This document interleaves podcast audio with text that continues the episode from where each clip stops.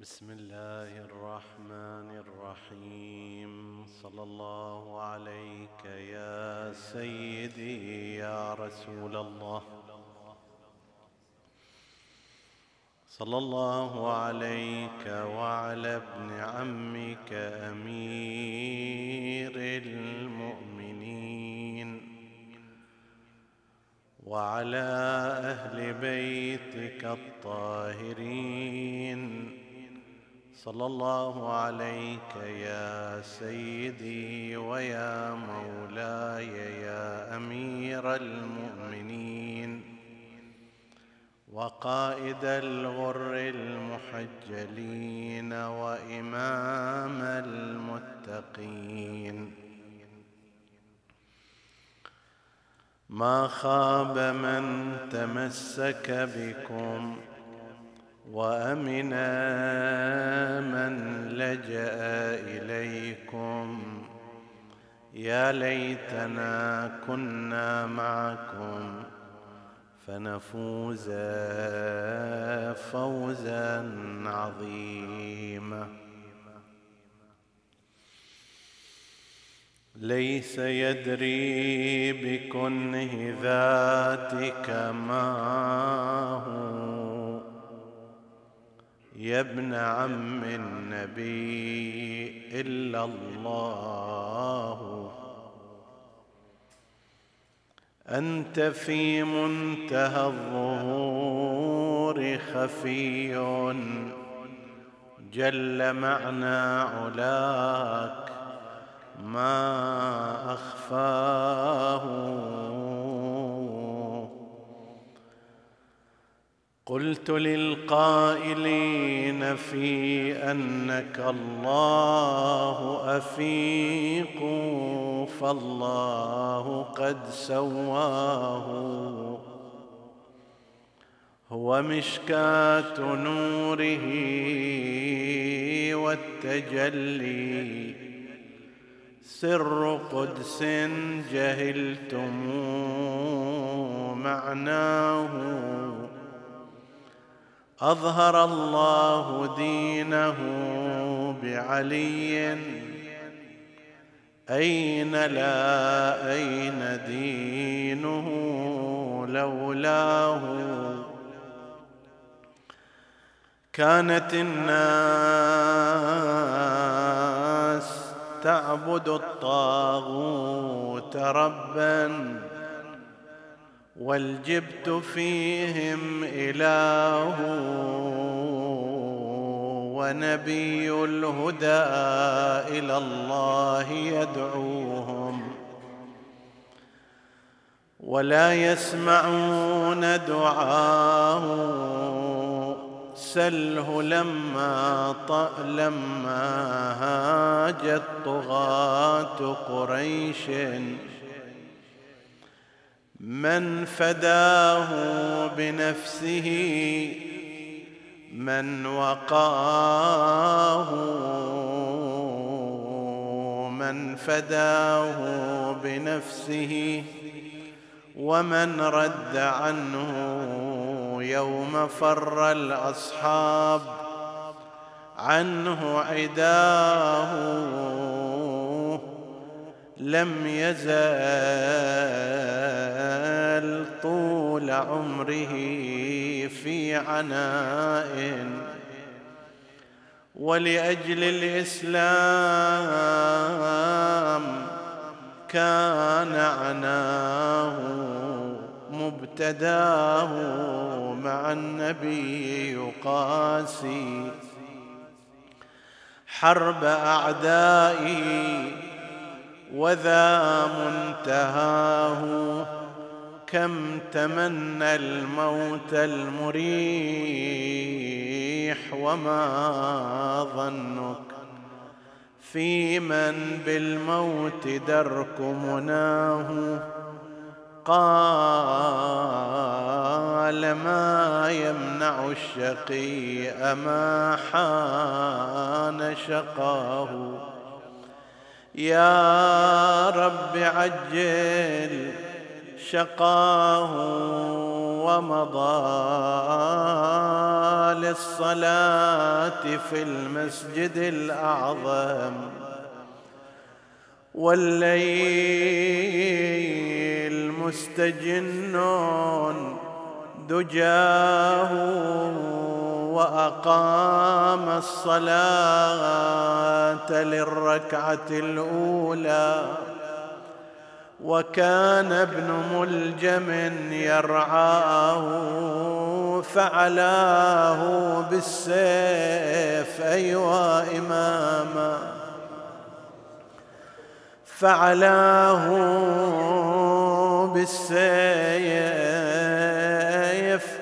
فانظر لسيف الله كيف بالسيف فل شباه فهوى قائلا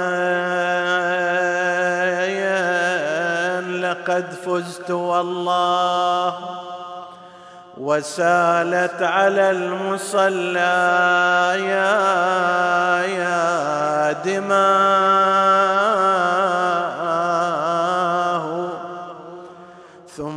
أدى الشهادتين فكانت منتهى نطقه وأطبق فاه. لكنما الأمر لله لا حول ولا قوة إلا بالله العلي العظيم. إنا لله وإنا إليه راجعون. وسيعلم الذين ظلموا أي منقلب ينقلبون. والعاقبة للمتقين. عطروا مجالسكم بذكر محمد وآل محمد.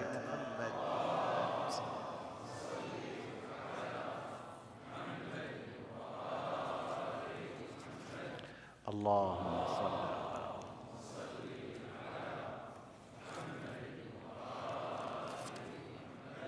اللهم صل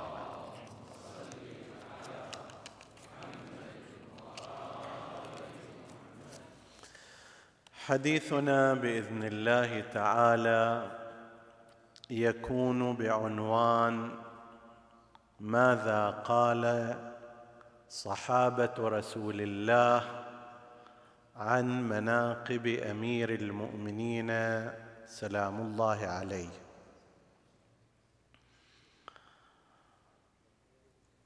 في بعض المقدمات نقول اولا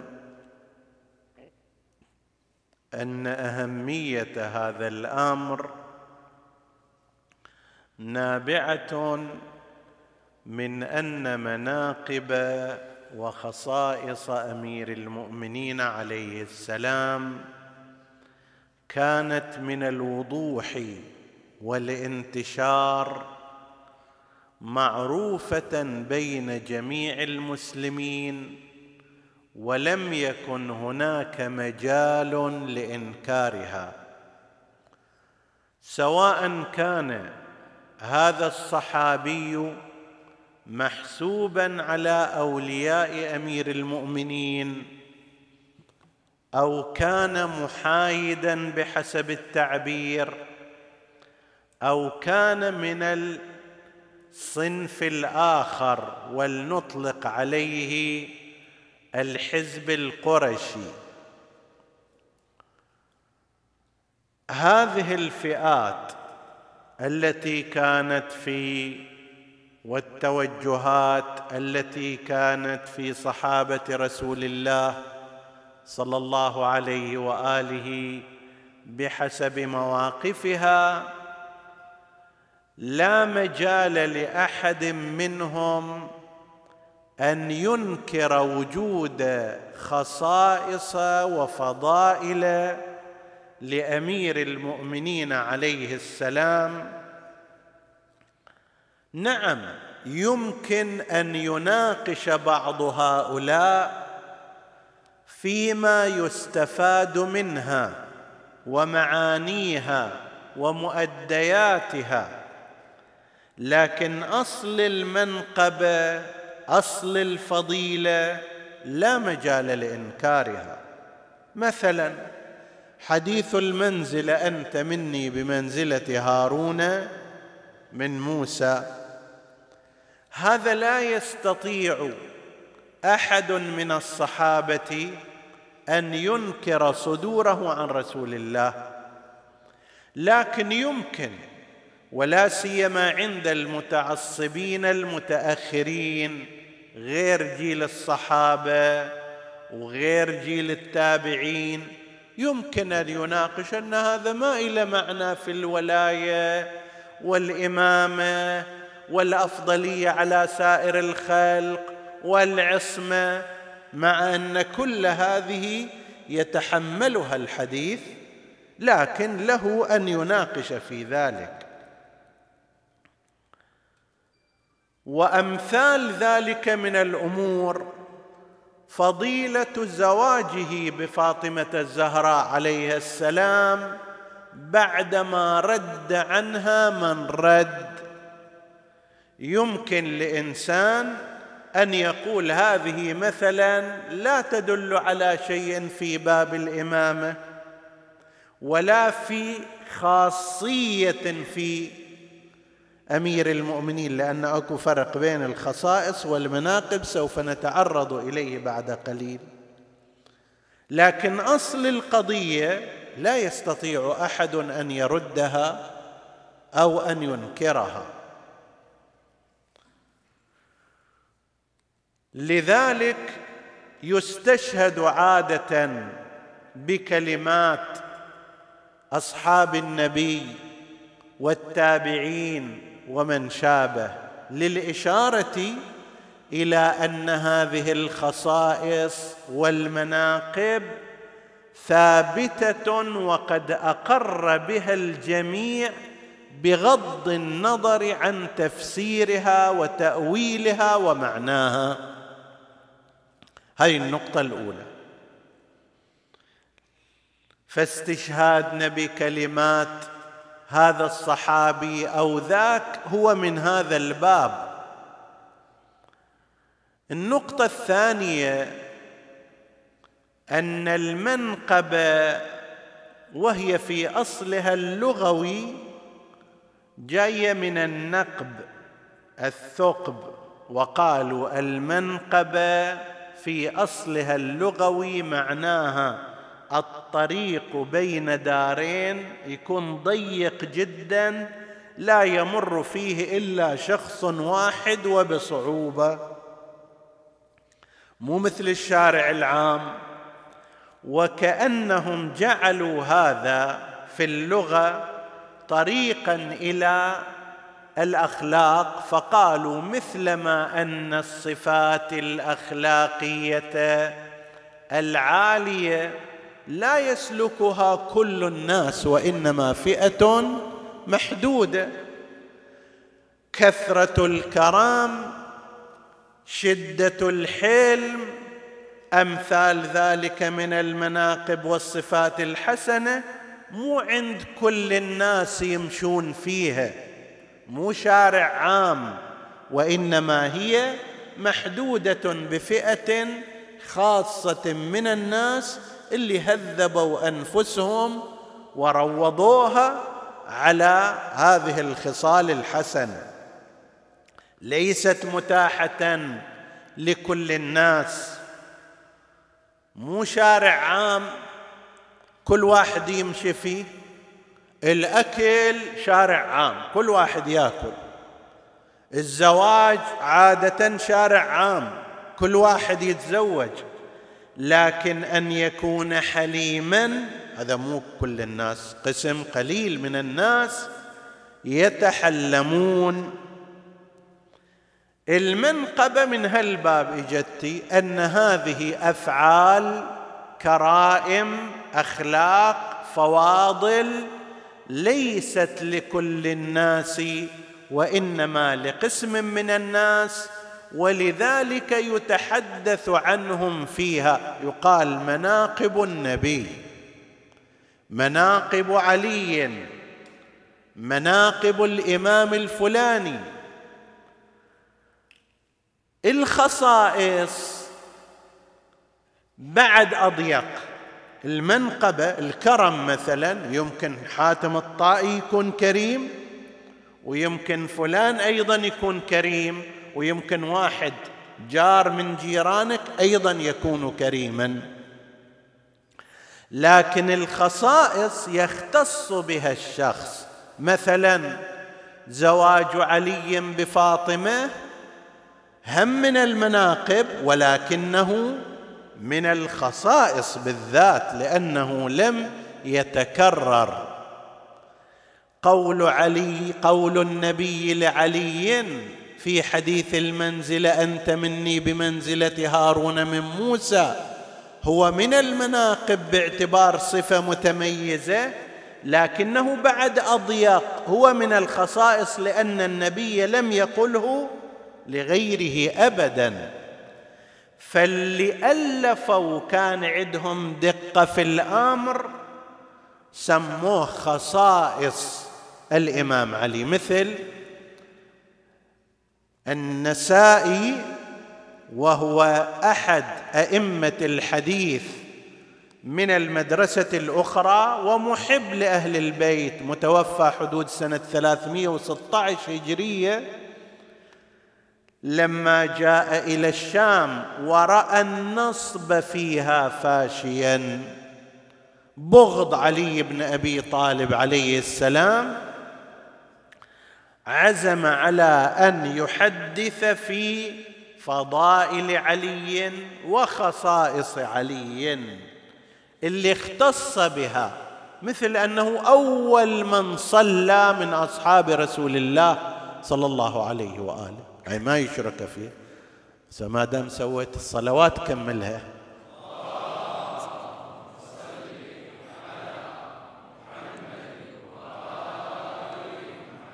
مثل أن النبي خاطبه بأنت مني بمنزلة هارون من موسى. مثل أنه أعطاه الراية يوم خيبر. مثل أنه قال في حقه برز الإيمان كله إلى الشرك كله. هذه خصائص ما تكررت وما تثنت مع أحد. زين؟ بعض المعاندين كصاحب منهاج السنة مثلا يجي يخلط الأمر. أنا أنبه على هذا حتى الإنسان أحيانا إذا رأى شيء من هذا القبيل يكون فطن. لما اجى يناقش فضائل أمير المؤمنين وخصائصه التي ذكرها العلامة الحلي رضوان الله عليه. كتاب منهاج السنة رد على العلامة الحلي. ورد عليه بردود متعددة. فلما اجى إلى هنا قال هذا ابن الفلان. طبعا يعبر عنه بتعبير سيء. ابن المنجس يقول لأن العلامة لقبه ابن المطهر. فانظر إلى أدب هذا وانظر إلى طريقة ذاك. قال ابن المنجس أن من خصائص علي بن أبي طالب أنه استخلفه على المدينة.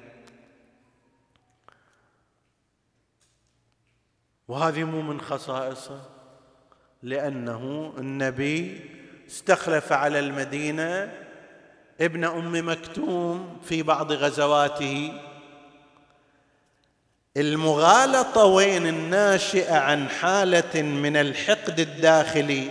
العلامة ما استدل باستخلاف النبي لعلي على المدينة وإنما استدل بقوله أنت مني بمنزله هارون من موسى. النبي لم يقل لأحد أنت مني بمنزله هارون من موسى إلا لعلي بن أبي طالب. لكن الرجل راح غير المطلب قال غير استخلفه على المدينة خلاه مكانه عندما خرج. وقد وقد صنع ذلك بابن أم مكتوم وبعثمان وبفلان. هاي المغالطة أنا لا أشك أنه يفهم ولكن يريد هنا في هذا المكان أن يضلل. لا العلامة ما قال استخلفه النبي في المدينة وبس وإنما قال لما أرجف المرجفون جماعة كانوا أكو منافقون قالوا شنو؟ النبي ما يحب علي بن أبي طالب ولا يحب رفقته فخلاه في المدينة وهو طلع عنه. فهنا أعطاه النبي الوسام الأعظم. قال له أما ترضى أن تكون مني بمنزلة هارون من موسى إلا أنه لا نبي بعد؟ بهذا استدل. فهناك أكو فرق. استخلافه على المدينة مشترك. نعم ابن أم مكتوم استخلفه. ما فيها فد ميزه خاصة. الميزة الخاصة الخصائص هي ماذا؟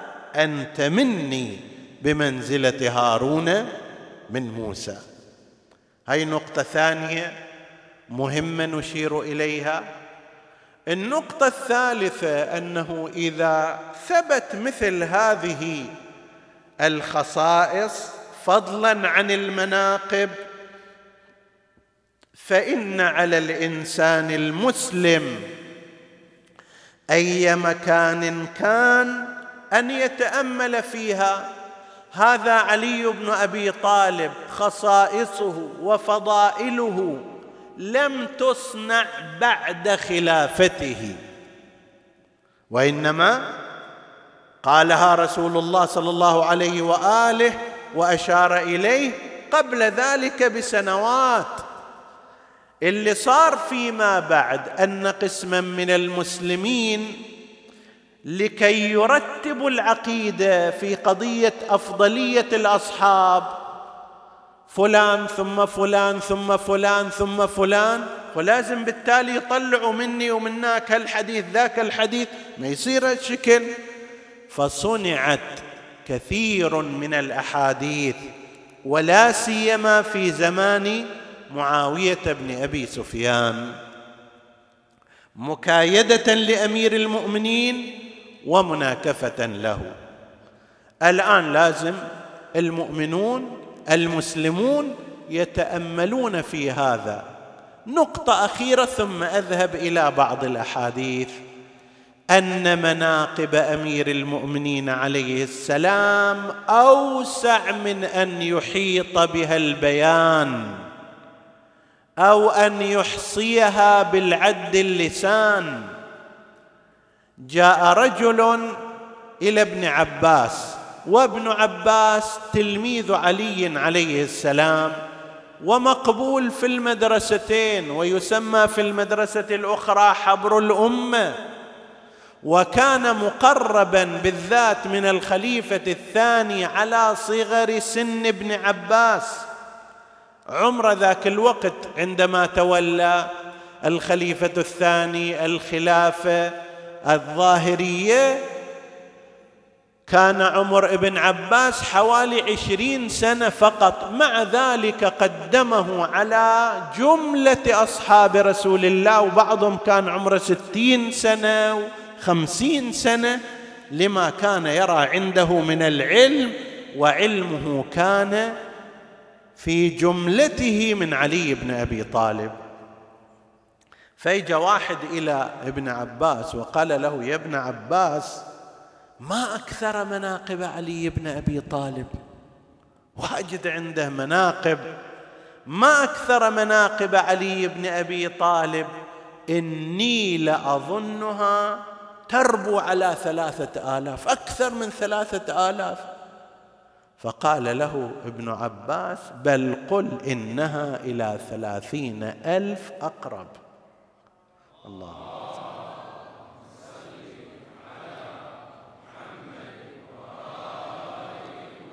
أنت إذا مستكثر ثلاثة آلاف عندك فهي إلى ثلاثين ألف أقرب. ويصدق ابن عباس في ذلك فإنه هو إحدى حسنات علي بن أبي طالب. كل علم لديه هو من علي. ما أخذ العلم ابن عباس إلا عن علي أمير المؤمنين وشيئا ما عن رسول الله لأن زمان وفاة النبي صلى الله عليه وآله كان لا يزال حدث السن.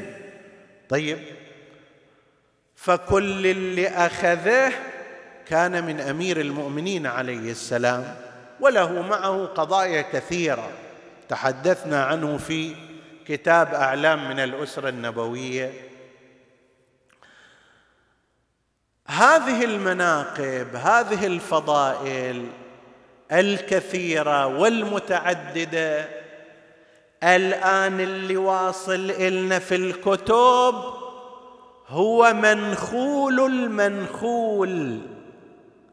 الأصل عدد كبير جدا. سئل الخليل الفراهيدي خليل ابن أحمد الفراهيدي في زمان الإمام الكاظم عليه السلام وهو مؤسس علم العروض مقياس الشعر العربي كله تأسيس الخليل بن أحمد وضع قواعده وأسسها. سئل وهو من أولياء أهل البيت عليهم السلام فقيل له ما تقول في علي بن أبي طالب؟ شو تقول؟ قال ما أقول في رجل كتم أولياؤه مناقبه وفضائله خوفا وكتم أعداؤه مناقبه وفضائله حقدا. ثم خرج من بين هذا وهذا ما ملأ الخافقين من الفضائل. أنا شنو أقول في واحد؟ اللي أعداءه عموا على فضائله. أصحابه للعقوبات التي كانت تصدر عليهم كتموا وأخفوا. مع ذلك اللي ظهر يملأ ما بين المشرق والمغرب. وهذا كلام في غاية الروعة.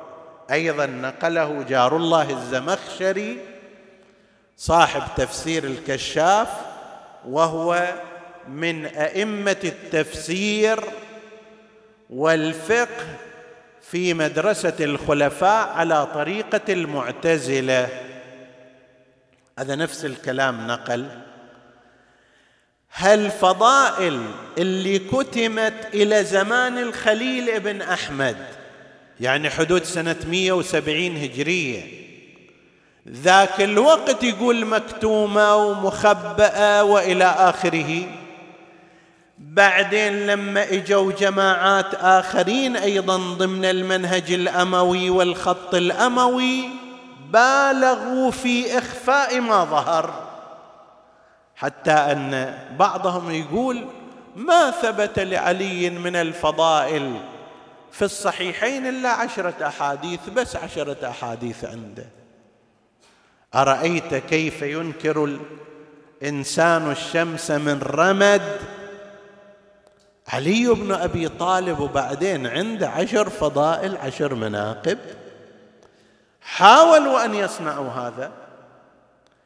صار فلترة أخرى أيضا. أي حديث طلع رمي بأنه موضوع وبأن رواته غير صحيحين. وإذا كلش كلش يعني ألف لام ميم غلبت الروم كما يقولون رجال صحاح كذا يقولون متنه غريب.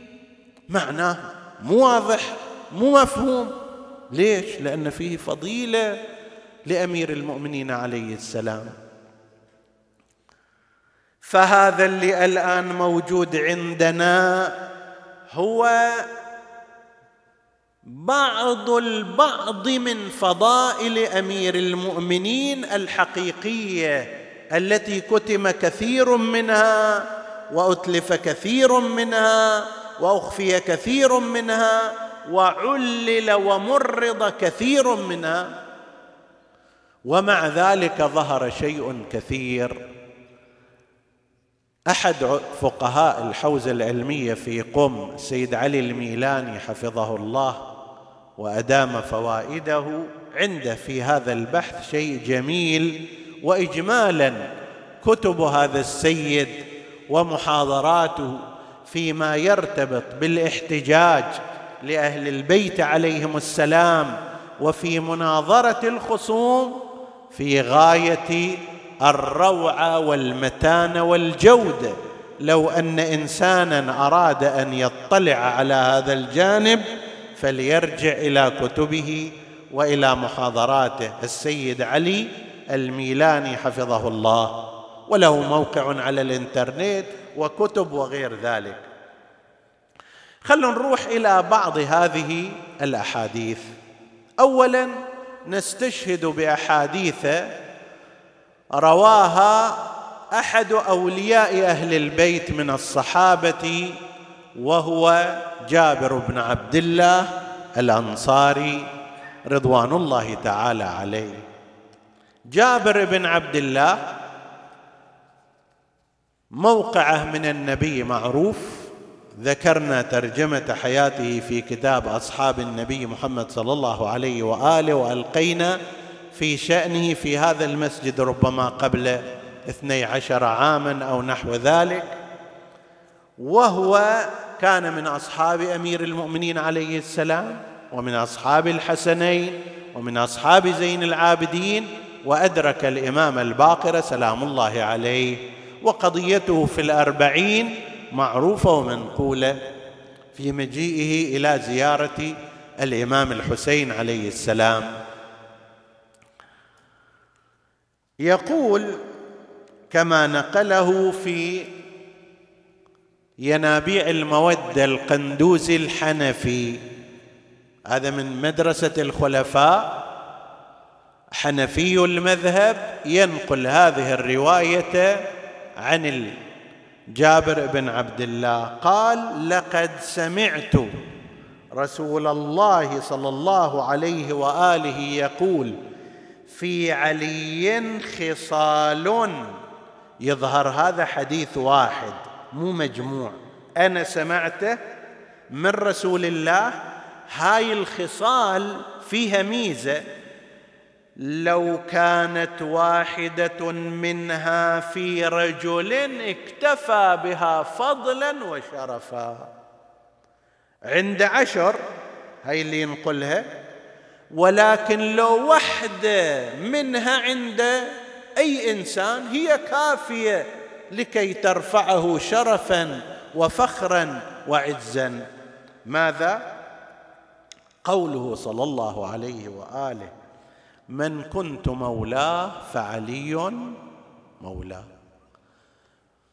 مدار الغدير على هذه الكلمة. ألست أولى بالمؤمنين من أنفسهم؟ قالوا بلى. قال فمن كنت مولاه فعلي مولاه. تثبت للإمام الولاية على الخلق كما كانت الولاية لرسول الله على الخلق تثبت إمامته بعده وخلافته بعده بلا فصل. هو ولي كل من عداه من صحابة وتابعين وكبير وصغير كل هذول وليهم علي سلطانهم علي المهيمن عليهم علي. بنص هذا الحديث. رحمة الله على الشيخ الأمين أعلى الله مقام الشيخ عبد الحسين صاحب الغدير. فقد أوفى على الغاية في بحث هذا الحديث في موسوعته المعروفة الغدير. وقوله علي مني كهارون من موسى حديث المنزلة. شلون هارون من موسى كان؟ اولا موسى طلب من ربه أن يضم هارون إليه فقال أن أرسل إلى هارون. يا رب وأخي هارون هو أفصح مني لسانا فأرسله معي ردءا يصدقني. طبعا هذه الصفة ما موجودة. رسول الله هو أستاذ علي. وأمير المؤمنين هو غصن من شجرة رسول الله وتلميذه. لكن رد أن يصدقني أشرك في أمري في آية كي نسبحك كثيرا ونذكرك كثيرا اللي القرآن بينه.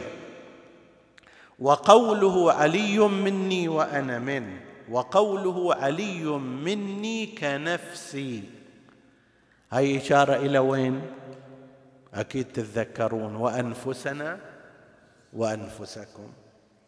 طاعته طاعتي ومعصيته معصيتي. وقوله حزب علي عفوا حرب علي. حرب الله وسلم علي. سلم الله. أي إنسان يحارب عليا فهو يحارب الله في الواقع. بهالصراحه النبي يقول وقوله ولي علي ولي الله وعدو علي عدو الله. وقوله علي حجة الله على عباده. وقوله حب علي إيمان. وبغضه كفر. وقوله حزب علي حزب الله وحزب أعدائه حزب الشيطان وقوله علي مع الحق والحق معه لا يفترقان. من أظرف المسائل أن صاحب منهاج السنة ما أدري الليلة كله ويانا الظاهر. أن صاحب منهاج السنة لما مر على هذا الحديث قال وأما حديث علي مع الحق والحق مع علي فأول شيء قال هذا حديث لم يثبت عند أهل العلم هذه الكليشة موجودة عنده. وقد رد عليه من أعلام مدرسة الخلفاء أنه أنت على الأقل تطاول لك حديث موجود على المكتبة ليش من حفظك تقول وبعدين تتورط فيها؟ راجع. كم صحح هذا الحديث من أناس من نفس المدرسة؟ بس خب بعد. فقال اولا هذا حديث لم يعرفه أهل العلم. بعدين قال له كان هذا الحديث صحيح علي مع الحق والحق مع علي لكان علي معصوما ولا هو هذا اللي إحنا نريده؟ لأن رسول الله قال كذلك فهو معصوم. أنت مو تعكس القضية. نعم علي معصوم وهذا واحد من الأدلة مو هو الدليل الوحيد. هذا واحد من الأدلة. آية أطيعوا إلى الأمر منكم أم تثبت عصمته؟ تحدثنا في ليال مضت. يجي يقول لو كان هكذا لكان معصوما والحال أنه في رأيه ليس بمعصوم. لا نقول هذا ليكن الحديث داعيا لك أن تؤمن بعصمة أمير المؤمنين عليه السلام. فإنه مع الحق والحق معه وإنه مع القرآن والقرآن معه. طاعة رسول الله طاعته معصيته معصيته معصية رسول الله. آخر حديث وقوله صلى الله عليه وآله وهذا حديث لكم ولمن يسمع من المؤمنين وهو حديث حق. شيعة علي هم الفائزون يوم القيامة.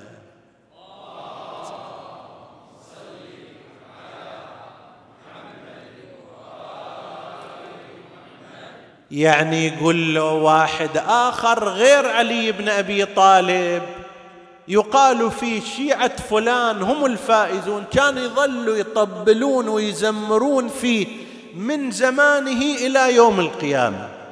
هذا مو حديث سهل مو هو في مو هو فائز شيعته اتباعه باتباعهم له هم الفائزون يوم القيامة. هذا كلام جابر بن عبد الله الأنصاري. بعض هذه الأحاديث والخصال مناقب وبعضها الآخر خصائص وأغلبها خصائص. هذا واحد من النماذج. نموذج آخر سعد بن أبي وقاص الزهري. ابنه سيء الذكر عمر بن سعد المشهور في كربلاء. أبوه سعد بن أبي وقاص الزهري يشترك في النسب الأعلى مع بني هاشم. سعد بن أبي وقاص هذا في لا يحسب على أمير المؤمنين عليه السلام وإنما اعتزل انفرد.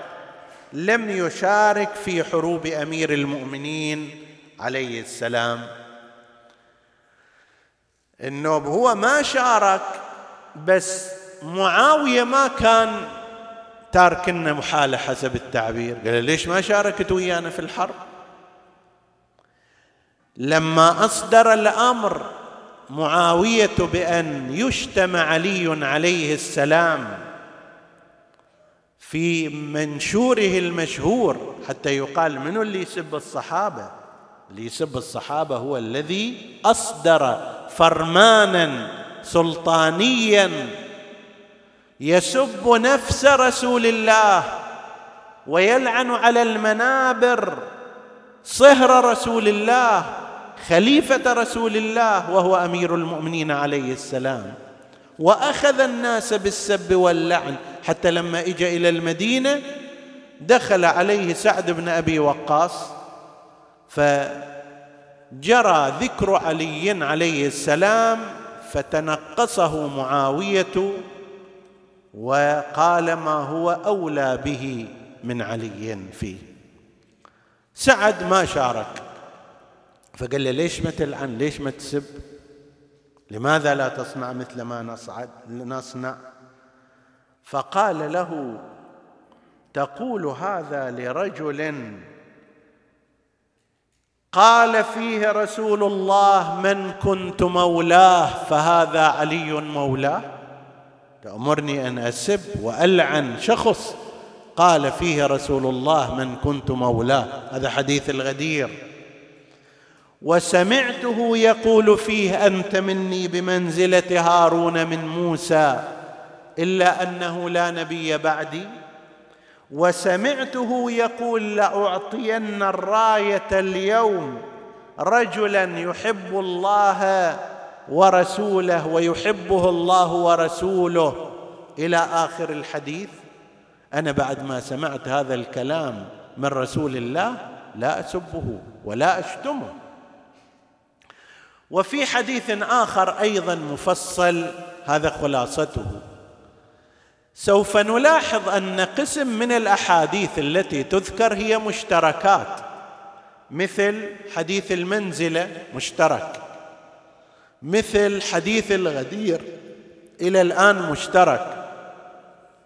أكو نقل ثالث ننقله وننهي به حديثنا بعد الصلاة على محمد وآل محمد.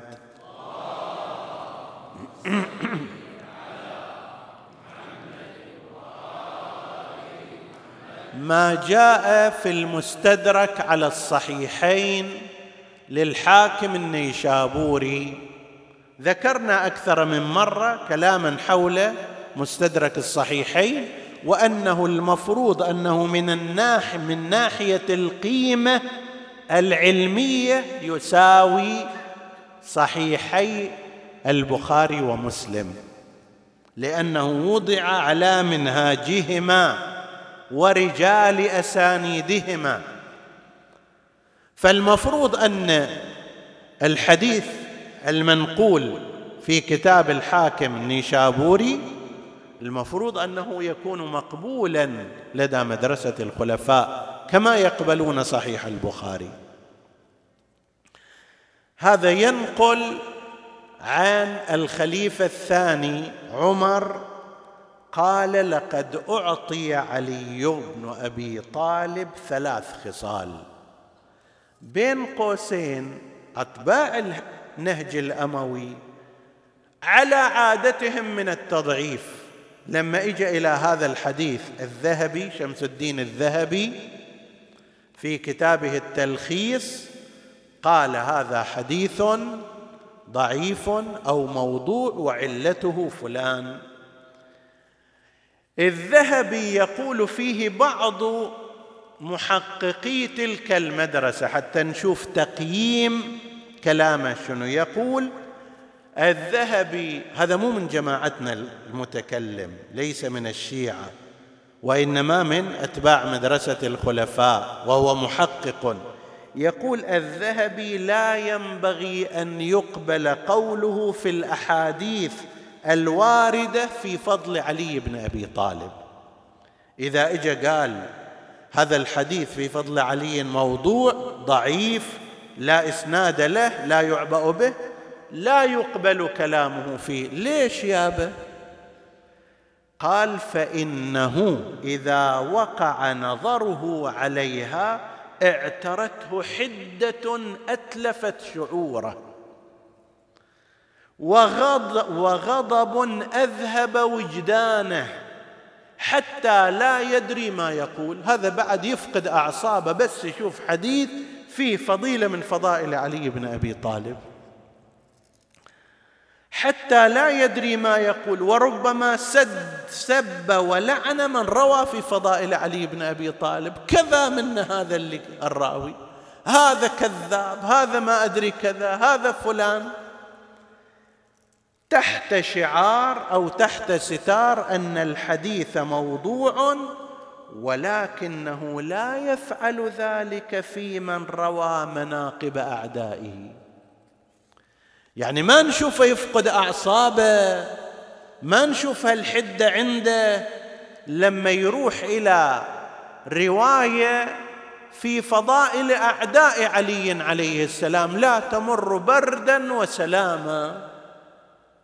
فهذا لما يجي الذهبي يقيم هذا الحديث الذي نقله الحاكم النيشابوري بأنه ضعيف أو كذا لا يؤبه به. قال في ولقد لقد أعطي. خليفة الثاني يقول لقد أعطي علي بن أبي طالب ثلاث خصال لأن تكون لي خصلة منها أحب إلي من أن أعطى حمر النعم. مو النعم نعم جمع عام.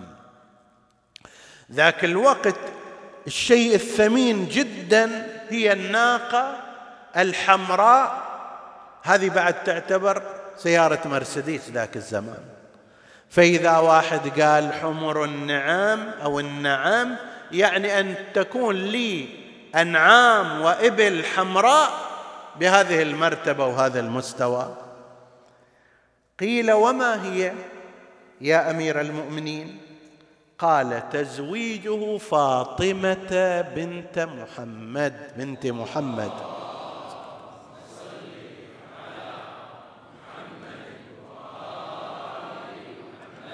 فاطمة الزهراء عليه السلام خطبت في المدينة من الخلفاء والنبي في نفس الوقت قال لهم إني أنتظر فيها أمر الله. راحوا إلى علي بن أبي طالب يقول علي وكنت أزرع فسيلا ورجلاي مستنقعتان. فقال يا علي لم لا تخطب فاطمة؟ ما أدري هل يعني كان متوقع شيء آخر أو ما أدري. استكشاف. فقال أفعل. فغسلت رجلي من الطين وجئت إلى رسول الله وجلست عنده وقد نكس رأسه. علي ما حاجتك يا علي؟ قال ذكرت فاطمة فجئت خاطبا. قال على الرحب والسعة. أهلا وسهلا. ريثما أخبرها هذا نصيب المرأة لازم تقبرها. فذهب إليها وأخبرها فسكتت فقال الله أكبر. صماتها رضاها. ثم رجع إليه. يا علي ما عندك؟ خلينا نسوي الموضوع عملي. درعك ما تحتاج روح بيعة ناضحك ما, يحتاج ما تحتاج إليه روح بيعة. جيب المهر. فلانة أم سلمة تعالي فلانة ما أدري كذا سوي جيبوا كذا سووا كذا وصار. أمر الله هو هذا. أمر الله هو هذا. كان ينتظر أمر الله في أن يزوجها عليا عليه السلام. فيقول أنا لو كانت عندي هالخصلة أحب إلي من حمر النعم. وسكناه المسجد مع رسول الله. كانت بيوت الصحابة أبوابها شارعة على المسجد. دخلتهم وطلعتهم إلى بيوتهم من المسجد. زين هذا قد يجنب زوجته قد تجنب كيف يدخلون المسجد؟ فأمر الرسول بسد جميع الأبواب إلا بابه صلوات الله عليه وباب أمير المؤمنين عليه السلام. ليش؟ إنما يريد الله ليذهب عنكم الرجس أهل البيت ويطهركم تطهيرا. حتى حمزة سيد الشهداء أسد الله وأسد رسوله أغلق بابه. قضية مو قضية جهاد فقط لا تطهير وعصمة. تطهير وعصمة. حمزة على جلالة شأنه ما كان في هذه المرتبة.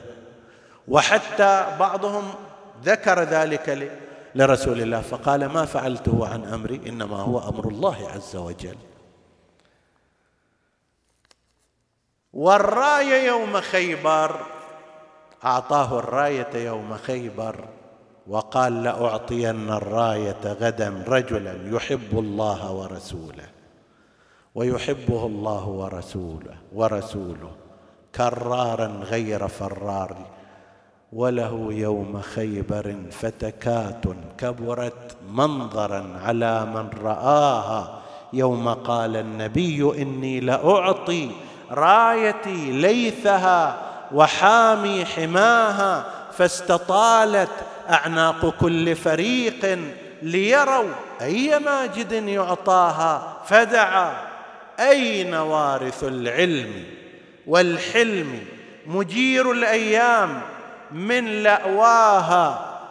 أين صاحب النجدة الذي لو دعته في الثريا مروعة لباها فأتاه الوصي أرمد عين فسقاه من ريقه فشفاها وبرى ودحى بابها بكف اقتدار أقوياء الأقدار من ضعفاها وبرى مرحبا بكف اقتدار أقوياء الأقدار من ضعفاها. إنما المصطفى مدينة علم وهو الباب من أتاه. أتاها. اللهم صل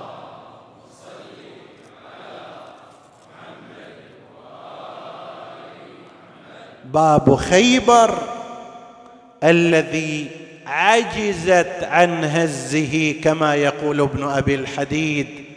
يا قالع الباب الذي عن هزه عجزت أكف أربعون وأربع.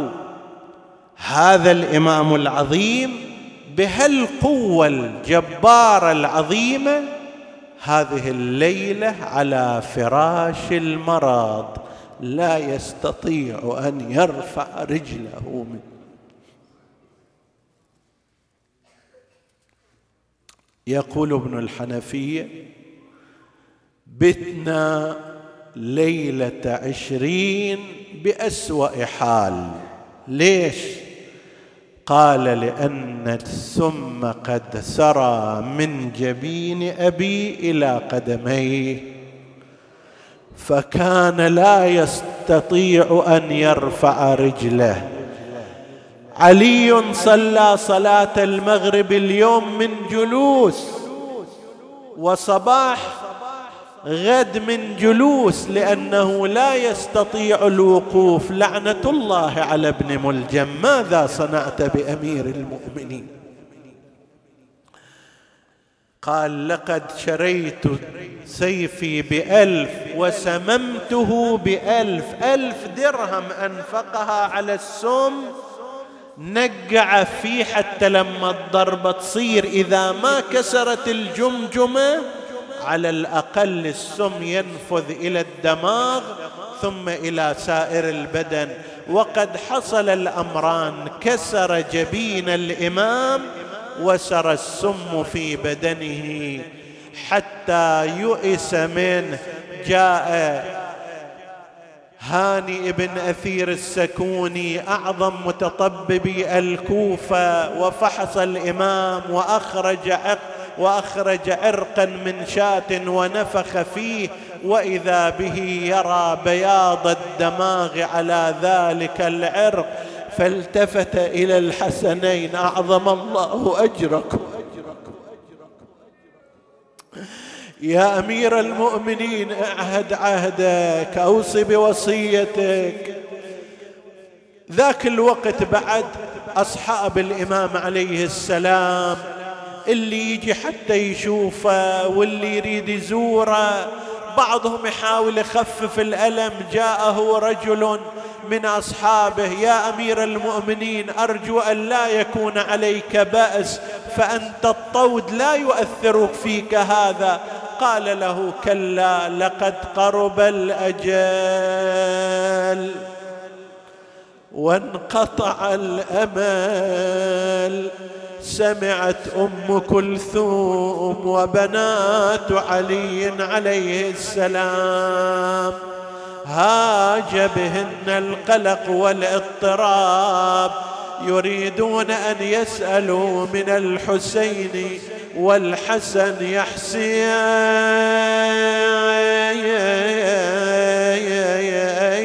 انشدك عن ولينا.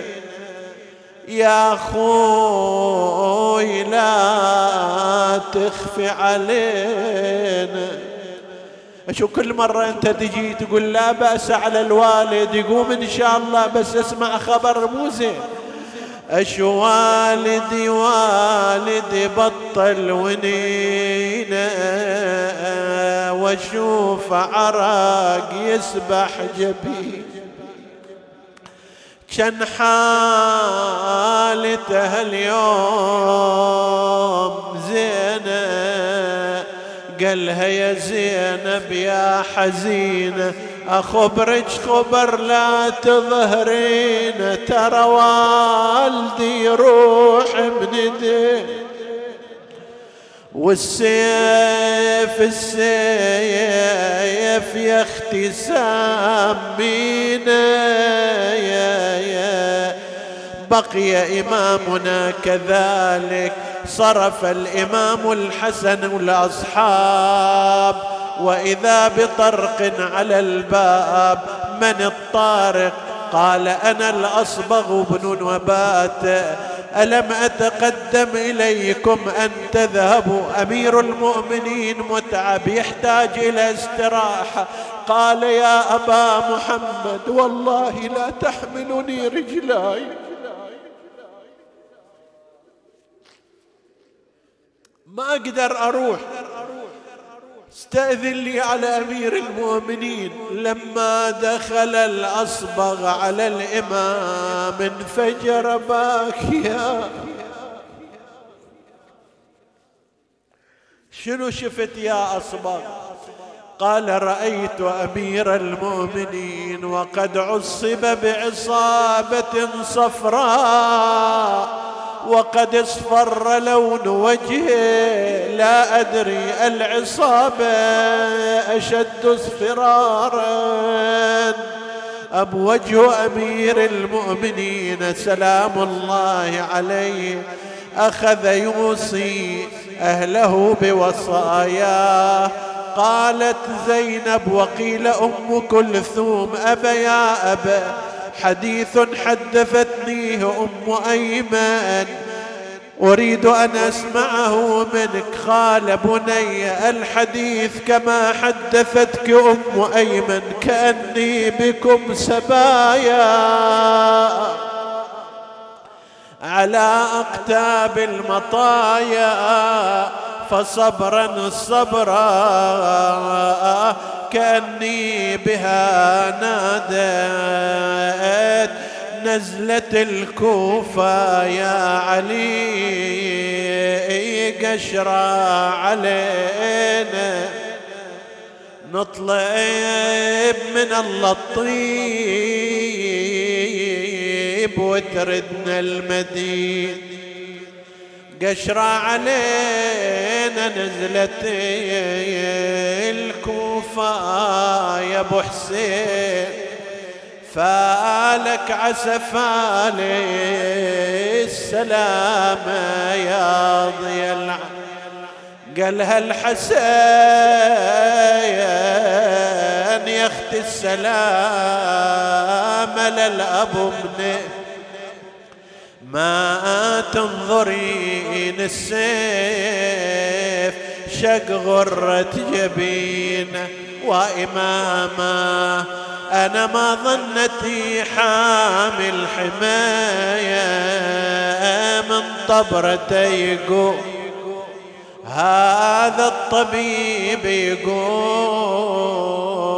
سيف الرجس مسموم. مقزور أبونا حسبته يوم بعد يوم. لون تغير وانت حل ما تنظرين. قالت يا عقلي نطلب من الله السلام. ويقوم أبو الحسنين ويكمل الصيام ونعيد بفرحة ولا نعيد يتامى قالها يا فكل العيد لا تتذكري. يا أختي يا زينب كان عيد تعيد الشايب. كان الخبر وصل يصير ابرك الأيام. وإحنا بعد يوم نولي لو نصبحيت عند الفجر كفيل أرامل تفقدين. أفي شهر الصيام فجعتمونا. بخير الناس طرا أجمعين نسألك اللهم وندعوك. اغفر لنا ذنوبنا كفر عنا سيئاتنا.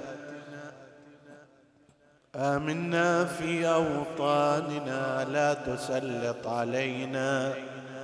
من لا يخافك ولا يرحمنا ولا تفرق بيننا وبين محمد وآله طرفة عين. احفظ اللهم إخواني السامعين فردا فردا واقض حوائجهم. اشف اللهم مرضاهم لا سيما المرضى المنظورين. ومن أوصانا بالدعاء. وتقبل اللهم أمل المؤسسين بأحسن القبول إلى أرواح موتاهم. وموت السامعين نهدي ثواب الفاتحة. تسبقها الصلوات.